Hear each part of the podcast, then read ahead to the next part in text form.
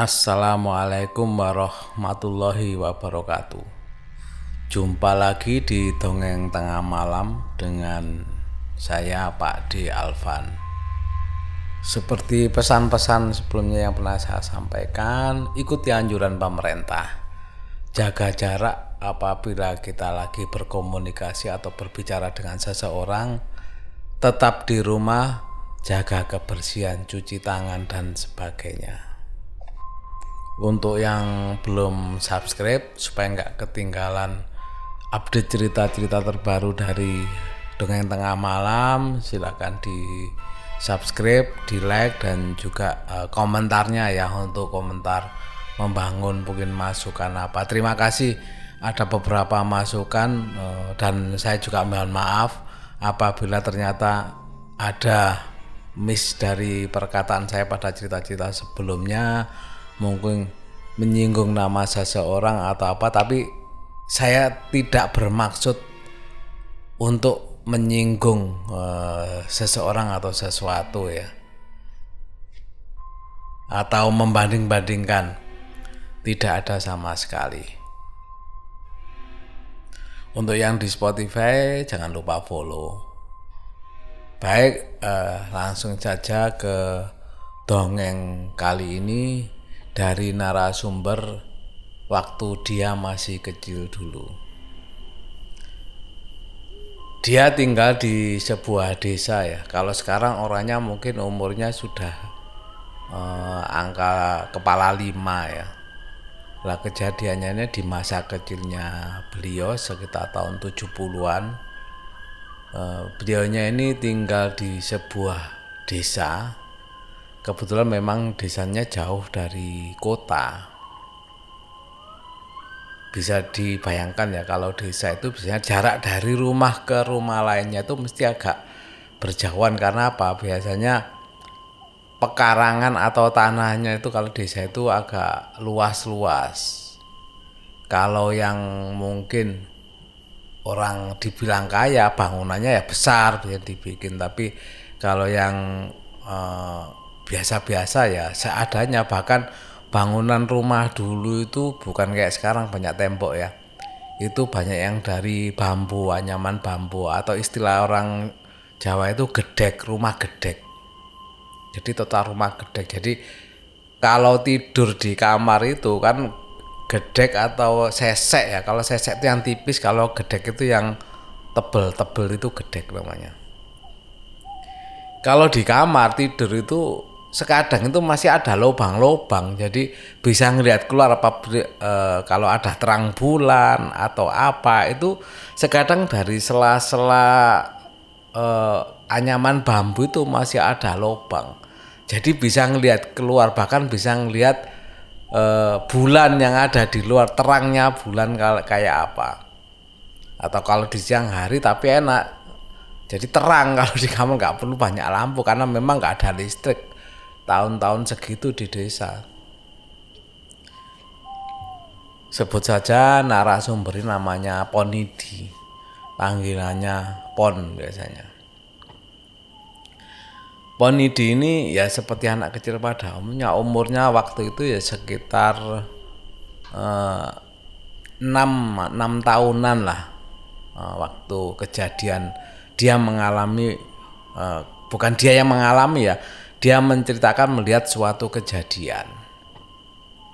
Jadi seperti anak-anak eh, pada umumnya kalau tidur itu kan kalau desa kan jarang tidur sampai malam kan mesti sore sudah tidur.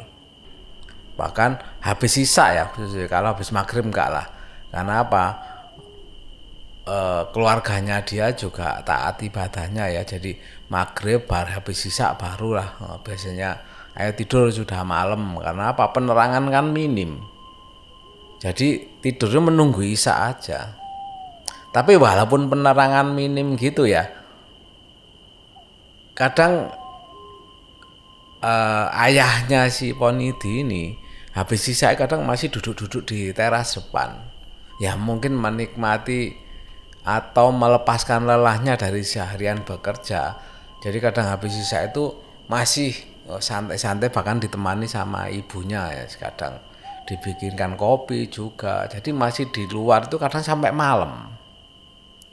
Sampai malam kadang sampai jam 9 atau jam 10 ya mungkin selain melepaskan lelah mungkin juga menjaga menjaga rumah juga. Karena zaman dulu kalau ngomong pencuri apa itu bukan pencuri kayak sekarang membobol rumah enggak. Pencuri ternak biasanya jadi ternak di belakang rumah nggak tahu itu ayam atau kalau punya kambing itu kan memang perlu dijaga. Dan kebetulan tepatnya Ponidi ini rumahnya itu induknya ya rumah di sebelah kanan rumah itu biasanya oh, dipakai untuk kandang ya kan kebetulan punya kambing memang. Jadi ada kambing di sebelah kanan rumahnya. Dan bagi orang desa itu hal biasa kalau punya kandang tahun-tahun segitu ya biasa. Terus tetangganya si Ponidi ini ya lumayan cukup oh, jauh. Karena apa? Masih di sebelah kiri rumahnya Ponidi masih kan masih ada tanah eh, kosong. Barulah di sebelah tanah kosong rumahnya Ponidi ini ada tetangganya. Tetangganya ini memang kalau dibilang cukup terpandang cukup terpandang itu apa? Cukup kaya dibandingkan orang sekitarnya. Jadi rumahnya itu cukup besar dan dia memang satu-satunya rumahnya itu yang sudah berdinding bata. Lah kalau sudah berdinding bata gitu kan tembok ya itu sudah uh, termasuk salah satu orang kaya di kampung. Karena apa? Sekitarnya itu rata-rata rumahnya itu ya yaitu pakai gedek atau oh, sesek itu tadi. Ada sebagian sih biasanya di apa tatai bata merah atau tembok itu ya kira-kira setinggi satu meter baru atasnya itu yaitu oh, gedek atau anyaman bambu itu. Itu banyak kalau itu. Lah keluarga Poniti kebetulan rumahnya memang full uh, dari sesek di malam kejadian itu biasa Poniti kan tidur sore. Sama ayahnya Pon udah tidur udah malam. Besok kalau sekolah biar gak kesiangan. Ya Poniti jawab iya pak. Ya bu. Akhirnya tidur lah sore itu habis bisa itu. Seperti biasa orang tuanya kan masih di luar ayahnya. Sekitar mungkin ya karena Ponti masih kecil kan gak sangit tapi sudah tengah malam Ponti kira-kira mungkin jam 11 jam 12 ayahnya itu baru masuk rumah. Dan kebetulan Poniti kan tidur sore. Poniti mendengar gitu ndak tahu apa kok mendengar suara eh, pintu di itu dibuka ditutup kan. Ayahnya masuk kan mesti buka pintu nutup pintu. Dengar ayahnya uh, nutup pintu, Poniti sempat terbangun. Begitu terbangun kan uh, kaget mungkin ya atau apa, terbangun. Uh, dia terbangun kebetulan waktu itu memang agak ada bulan tapi nggak nggak bulan purnama ya. Jadi agak terang-terang dikit. Jadi samar-samar Ponidi itu sambil terbangun eh, agak-agak ngantuk juga ya. Sama-sama dia kan masih bisa melihat dari lubang-lubang dinding eh, gedeknya itu. Dan pas lubang itu memang kelihatan dari rumah tetangganya yang orang berada tersebut kan agak jauhan. Ya kelihatan sedikit lah. Lah kan apa tempat tidurnya Poniti kan memang mepet sama tembok. Bukan tembok yang saya bilang gedek tadi. Jadi dia pas noleh gini itu bisa melihat uh, rumah tetangganya yang berada tadi. Karena mau tidur habis kaget terbangun, Ponti masih belum bisa tidur.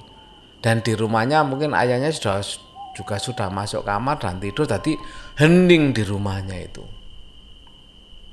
Hening sambil mau oh, memejamkan mata, Ponidi kan masih bisa melihat dari lubang rumah tetangganya yang uh, berada tadi.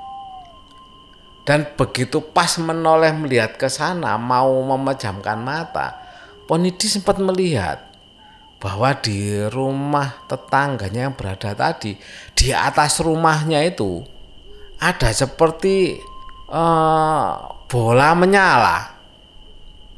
Jadi kayak ada bola menyala terbang dan warnanya itu warna-warni. Lah Poniti karena waktu masih kecil kan heran dengan warna-warni gitu kan mengagumkan bagi Ponidi. Dan Ponidi nggak tahu itu apa. Begitu melihat itu kan diperhatikan terus. Eh, kok, kok ada bola terbang malam-malam gini. Mungkin kalau di ngomong jam itu sudah tengah malam, istilahnya nggak bisa ngomong jam berapa, yang pasti tengah malam ya mungkin sekitar jam 12-an bisa jadi karena terbangunnya pun itu tadi kan sekitar jam 11-an ini kalau menurut perkiraan saja. Begitu diperhatikan gitu tapi bola itu masih tetap melayang di atas genteng di atas rumahnya itu di atas genteng. Nggak lama setelah diperhatikan bola itu kok seperti masuk rumah. Tetangganya yang berada. Lah pun itu heran kok bola sudah bisa terbang tiba-tiba jatuhnya kok di situ ya sudah karena sudah nggak ada uh, pemandangan yang menarik lagi karena bolanya kan sudah hilang sudah nggak kelihatan uh, pencahayaannya warna-warna tadi. Ya sudah nggak dibikin sama Ponidi cuma can gitu loh masih terkesan wih kok ada? gitu loh. Akhirnya Ponidi tidur. Udah tidur besok paginya seperti biasa pokoknya sudah melupakan. Tadi malam itu ada apa ya melupakan. Karena apa? Pagi-pagi kes, agak kesiangan bangunnya kan eh tidurnya kan kemalaman. Agak kesiangan tergopo-gopo sama ibunya kan disiapa ayo coba sekolah sudah jam berapa? Waktunya sekolah. Ya tergopo-gopo akhirnya uh, segera berangkat sekolah. Bisa sarapan semua ya gitu. Berangkat ke sekolah dan melupakan kejadian itu hanya sekolah. Sempat juga waktu di sekolah itu diceritakan sama temennya bahwa tadi malam dia melihat ada cahaya warna-warni di rumahnya eh, tetangganya itu. Ya sama-sama anak kecil ya cuma terheran-heran aja. Mana ada sempat nggak percaya juga mana ada bola melayang malam-malam. Sempat gak dipercaya ya sudah sampai lalu aja sampai lupa malam berikutnya Poniti sempat dengar bahwa tetangganya yang tadi malam ada di apa di atasnya ada sinar itu katanya sakit. Ya sebatas dengar aja Poniti. Sebatas dengar aja sampai berjalan waktu dari hari ke hari sampai kira-kira empat hari empat hari setelah melihat pemandangan bola melayang tadi, sinar melayang tadi, mendengar bahwa tetangganya yang orang berada itu sakit parah. Dan sempat jadi pembicaraan orang-orang, padahal kemarin-kemarin sehat walafiat kok tiba-tiba mendadak sakit semakin parah dan makin parah. Memang tenaga eh, tetangga Ponidi ini yang orang berada itu memang seorang apa ya? Istilahnya pedagang, saudagar lah kalau zaman dulu ya. Memang seorang pedagang dan dagangannya itu memang laris manis, bahkan uh, dia harus ke kota, dari kota satu ke kota lainnya. Itu benar. Makanya dia sampai berhasil seperti itu sampai bisa menjadi orang berada seperti itu ya karena memang usaha kerasnya ya sampai empat hari sampai jadi pembicaraan ya. Bukan negatif masih pembicaraan kasihan ya. Itu orangnya ini orangnya baik sebenarnya. Sama tangga-tangga itu baik. Tapi kok tiba-tiba sakit mendadak seperti ini? Bahkan denger-dengernya diobati ke mana-mana. Itu diobati ke rumah sakit ke mana itu masih nggak sembuh-sembuh. Sampai kira-kira satu minggu dari kejadian itu uh, Poniti mendengar bahwa tenaga uh, tetangganya itu meninggal dunia dengan kondisi yang mengenaskan atau kasihan. Jadi katanya perutnya itu jadi buncit. Lah Poniti nggak tahu kok bisa sakit jadi buncit. Ya asal denger aja Akhirnya sampai meninggal dikumpul sama-sama. Akhirnya jadi pembicaraan. Jadi pembicaraan sakit apa? Kok satu minggu dari sakit meninggal dunia. Bahkan sampai uh, ada yang uh, nyeletuk apa mungkin disantet. Lah orang nggak percaya kalau diomong orangnya itu baik sama tetangga tetangganya ya tapi kan nggak tahu di luar itu gimana. Namanya juga orang uh, bisnis ya istilahnya. Uh, di luar kayak apa kan nggak tahu. Tapi tetangga tetangganya menilai bahwa orangnya itu kalau sama tetangga itu ya santun ya ramah. Bahkan kalau ada kegiatan-kegiatan kampung itu salah satu yang menjadi sumber dananya ya tetangganya itu. Yang biasanya membantu orang ada kegiatan-kegiatan apa itu dia selalu siap membantu. Makanya orang-orang heran. Dan pengalaman ini masih diingat sampai sekarang sama Poniti dan bahkan Poniti baru tahu bahwa setelah ditanya-tanyakan ya karena masih teringat di kepalanya bahwa dia melihat pemandangan bola api, bola yang bercahaya itu. Ditanya-tanyakan karena rasa penasarannya akhirnya baru tahu bahwa katanya kalau ada bola yang bersinar kayak bola di malam hari terbang itu katanya santet. Dan Allah alam, poniti sampai sekarang pun jadi tanya-tanya apa bener santet. Bener dan tidaknya eh, tahu silahkan mungkin pendengar uh, ada yang lebih tahu ya bisa komen tadi bahwa karena apa? Poniti memang nggak uh, mengenal hal-hal mistis seperti itu. Cuma kebetulan kita ada pembicaraan dan dia mau menceritakan pengalamannya. Jadi ini hanya share pengalamannya aja. Jadi mungkin kalau memang benar itu santet ya mungkin hati-hati sajalah. Mungkin banyak berdoa.